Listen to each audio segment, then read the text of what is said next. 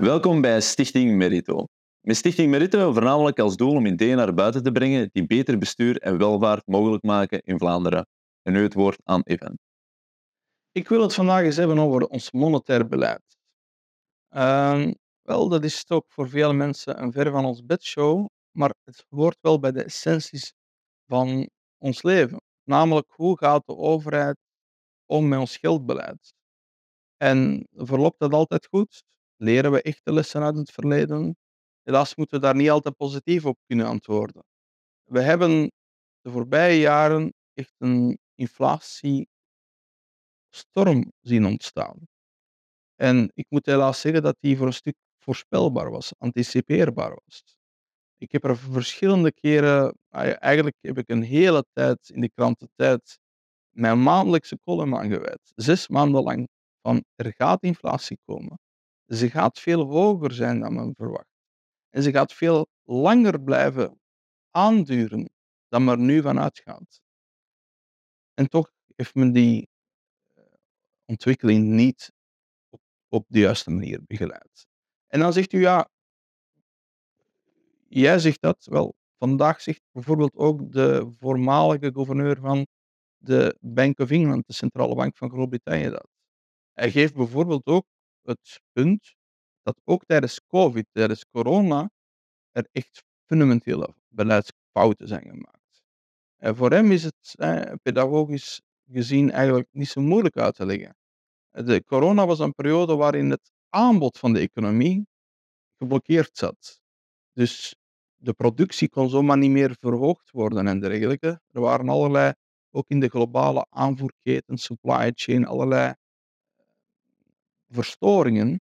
Dus het aanbod, de productie zit vast. En wat deed de overheid? Ze stimuleerde enorm de vraagkant van de economie. Ze gaf extra impulsen via geldcreatie. Enorm veel geld is gecreëerd tijdens corona. Ze gaf extra checks en uitgaven. En dat is allemaal de vraagzijde van de economie. Is het dan echt verwonderlijk dat er inflatie is gekomen? Maar het is niet alleen dat. Het is niet alleen corona waarin de zaken ontspoord zijn. Er is een heel lange aanloopperiode waarin men eigenlijk is weggegleden van de professie die monetaire economen beoefenen. Ehm, het was mijn specialisatie als student monetaire economie. En ik moet eigenlijk zeggen van hoeveel lessen zijn we eigenlijk vergeten uit de geschiedenis. Hoe gevaarlijk is inflatie? Ik kom te veel centraal bankiers tegen die daar niet meer van doordrongen zijn. En zoals ik gezegd heb, Mervyn King, die uh, de gouverneur van de National Bank van Engeland, heeft daar een mooi boek over geschreven met de titel The End of Alchemy. Te veel is er een overmoed gekomen bij centraal bankiers. Ook gewoon al de verwachtingen naar wat centraal bankiers kunnen doen. Ze kunnen eigenlijk niet veel meer doen dan problemen wat extra tijd geven om zich op te lossen door het creëren van geld. Maar echt de fundamentele problemen van de economie, die moet je aanpakken aan de aanbodkant. En de geldcreatie is vooral ook iets heel gevaarlijk. En dat hebben we geleerd uit de geschiedenis. Hoeveel beschavingen zijn niet ten onder gegaan door de grote genereuze geldcreatie? Nu, vandaag is de vraag: gaan we nu terug naar de periode van voor corona? Gaat alles terug normaliseren? Gaan we terug naar die wereld van lage inflatie en lage rente? Wel, ook daar gaat men nogal te gemakzuchtig in mee dat dat allemaal vanzelf wel goed zal komen. Er zijn een aantal factoren die eigenlijk op het tegendeel wijzen. Er zijn bijvoorbeeld ja, ontsporingen in de netwerken in de economie. Dat betekent, je hebt bijvoorbeeld ook de, de, de oorlog in Oekraïne de tendensen dat maatschappijen zeggen we gaan wat productie terug bij huis brengen. De globale constitutie van onze wereldeconomie is eigenlijk structureel aan het veranderen. Het is meer terug dichter bij huis produceren. Wel, dat zal prijsimplicaties hebben, die inflatoir zijn dus. En denk ook aan klimaatbeleid. Wel, klimaatbeleid moet u daar even bij de les roepen, dat gaat heel veel geld kosten. Dat gaat heel veel impact hebben op onze koopkracht, op ons levensstandaard. Daar gaan we een prijs betalen. In prijsimplicaties ook. En ik kan zo voortgaan. Er zijn demografische verschuivingen. Er is de wereld van de grondstoffen. Allerlei factoren waarvan we zeggen, die zien er toch wel heel veel inflatoirder uit dan de voorbije 20, 30 jaar. En dus we gaan er te gemakkelijk vanuit dat we nu terug naar een normale periode gaan van lage rente en lage inflatie. En dan moeten we durven toegeven, zoals sommigen we durven, dat we fouten hebben gemaakt. De, in de Verenigde Staten is er een soort excuus gekomen van we hebben de, te veel geld gecreëerd. We hebben de, de, de zaken verkeerd ingeschat. We gingen ervan uit dat die inflatie kortdurend was. Dat ze zich ging geïsoleerd blijven tot enkel die energiezaken die dat we dan kunnen linken aan de Oekraïne-crisis. De inflatie in werkelijkheid is uitgesmeerd over heel de economie. En dat heeft alleen maar mogelijk geweest doordat eigenlijk al vele jaren, vele decennia eigenlijk, er een foute benadering was vanuit de centrale bank. Ze accommodeerden bijna elke kortstondige krimp in de economie met goedkoop geld. En in bepaalde omstandigheden die we net hebben gezien, leidt dat tot inflatie. En inflatie is zelden maar een tijdelijk fenomeen. In het verleden, en ik, we gaan dat niet per se voorspellen dat dat altijd zo zal zijn, maar je moet wel bewust zijn van dat risico. En als we weten hoe verwoestend te veel inflatie kan zijn voor een maatschappij, denk aan de jaren 70, toen de economie voor decennia ontspoord is geraakt door inflatie, dan weet je vanuit dat risico, we moeten veel waakzamer zijn, want die inflatie kan veel duurzamer zijn, langer duren dan we verhopen.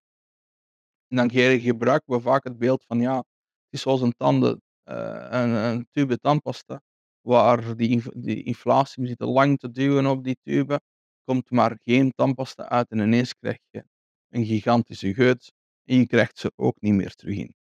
En dus, en wat op het spel staat, en dat is natuurlijk een beetje, daarvoor moet je een beetje de geschiedenis kennen om dat te begrijpen, hoe belangrijk dat is. Dat is hoe belangrijk is het de geloofwaardigheid van de centrale bank. De overtuiging dat mensen hebben, het geld gaat gecreëerd worden, de rente gaat op die manier geplaatst worden om inflatie te bestrijden. De markt gelooft dat niet meer. We hebben mooie plaatjes waarin we zien dat keer na keer de centrale bank voorspelde dit gaat de inflatie zijn. En men zat daarnaast. En keer op keer bleek die inflatie veel hoger uit te komen dan aangekondigd door de centrale bank. En wat je dan krijgt is het ondermijnen van de geloofwaardigheid. Van hebben die centrale bankiers eigenlijk nog de juiste agenda? Zijn ze trouw aan hun mandaat om inflatie te bestrijden? Of hebben ze iets anders in, in het oog? Namelijk een gunstige, lage renteomgeving waar die overheid haar hoge schulden in kan blijven hanteren. En dan zie je ook soms die kort, korte termijn focus en dat geheugen, waarvan ik altijd zeg, het geheugen is veel te kort geworden. Dan zegt men ja, de, de, de interventies van de centrale banken vandaag zijn historisch ongezien. Nog nooit zijn die rentes zo strak opgetrokken dan recent. Wel, dat is enkel omdat men zich beperkt tot de geschiedenis van de laatste 30 jaar. Een beetje toch bizar. Als we teruggaan naar de jaren 70, de vorige keer dat we echt een groot probleem hadden met inflatie, dan krijg je een heel ander beeld. De rente, het optrekken van de rente van de jaren 70 was vele malen forser en harder dan vandaag. Dus al die economen die bewijzen elke keer opnieuw hoe kort hun geheugen is. Door te zeggen van historisch. Nee, het is niet historisch. Elke inflatie ontsporing in de geschiedenis is veel kordater aangepakt dan vandaag gebeurt. En dat zien we in allerlei benoemingen ook van centrale bankiers, zoals die van Jeremy Powell in de US, in Amerika. Um, wel, um, vanaf dat hij benoemd is, hij hanteert eigenlijk een hele andere retoriek. Dan zie je van, ja, in welke mate worden mensen meer bepaald door de rol die ze verwachten te spelen dan hun echte overtuigingen. We weten uit getuigenissen van senatoren dat er immens gelobbyd is tegen het benoemen van een zogenaamde havik. Iemand die de inflatie heel ernstig beschouwt als een groot gevaar. En we zien die ontsporingen in allerlei segmenten van de economie. Wees bewust van het feit dat er jarenlang een te lage renteomgeving was, waarin enorm eh, druk ontstond voor het zoeken naar rendement. Maar dat heeft implicaties gehad voor waarderingen, voor risicoposities, die we nu vele jaren zullen moeten op. En we zien dat vandaag dat er correcties komen, maar dat die ook zware complicaties hebben. hè. De, de, de, we zitten in een jaar waarin we opnieuw bankcrisissen hebben gehad. gehad. In, niet alleen in de Verenigde Staten. En dan weten we, ja, dat heeft te maken met de, cor- de correcties die noodzakelijk zijn. We komen uit een periode van decennia lang oplossen van het probleem door geld uit te delen en dat is aan zijn einde toe. En wel, ook overheidstekorten, schuldopbouw is inflatoire. Sommigen lijken dat vandaag niet meer te beseffen. Zij moeten even terug hun handboeken economie erbij halen. We komen uit een periode dat centrale banken leken alle schulden van de overheid zomaar op te nemen. En dat zien we in de boeken van de centrale bank. Hoeveel van hun beleggingen zitten vandaag in overheidsobligaties? Wel, heel veel. En dat betekent ook, nu we weten dat de rente in een omgeving zit dat ze stijgt, dan dalen de koersen van overheidsobligaties. En dan gaat de centrale bank zelf verliezen boeken. Dan zijn er economen die opnieuw vanuit een korte geheugen zeggen van ja, maar dat is niet erg.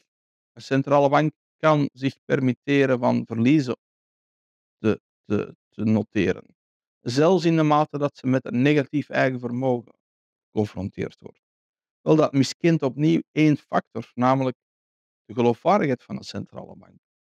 Gaat de markt, gaat iedereen in de economie nog zoveel vertrouwen hebben in die centrale bank dat die als enige mandaat heeft inflatie te bestrijden, als dat betekent dat zij meer en meer met verliezen in haar boeken wordt geconfronteerd. Bankcrisissen zijn altijd leerzaam. We hebben er opnieuw wel wat gehad. Eh, we hebben banken vandaag met een waardering die maar een fractie is van hun balanstotaal. Balans, banken met een balans van meer dan 1000 miljard, die nog maar enkele miljarden waard zijn op de markt. Dat toont dat het vertrouwen geschokt is. En er zijn nog wel wat fundamentele veranderingen elders ook gaande. Kijk naar Duitsland. We komen uit een periode dat we gingen, zeiden van Duitsland is de, de locomotief van Europa. Vandaag is Duitsland een reus op leme voeten. Vandaag noteert de befaamde Duitse handelsbalans met rode cijfers. Beeld u zich dat in? Dat heeft natuurlijk ook te maken met de ongelooflijke roekeloosheid van zijn energiebeleid. Het sluiten van kerncentrales. Het volledig overlaten van het energiebeleid eigenlijk aan Rusland. Het, het Rusland van Poetin. Met de gasafhankelijkheid. En dat zijn zaken die we zullen uitzweten. We hebben fouten, structureel, van grote uh, impact op het vlak van energiebeleid, maar ook denk aan de afhankelijkheid van China. Uh, de koers van Europa was te roekeloos en die gaan we de volgende jaren drastisch moeten corrigeren.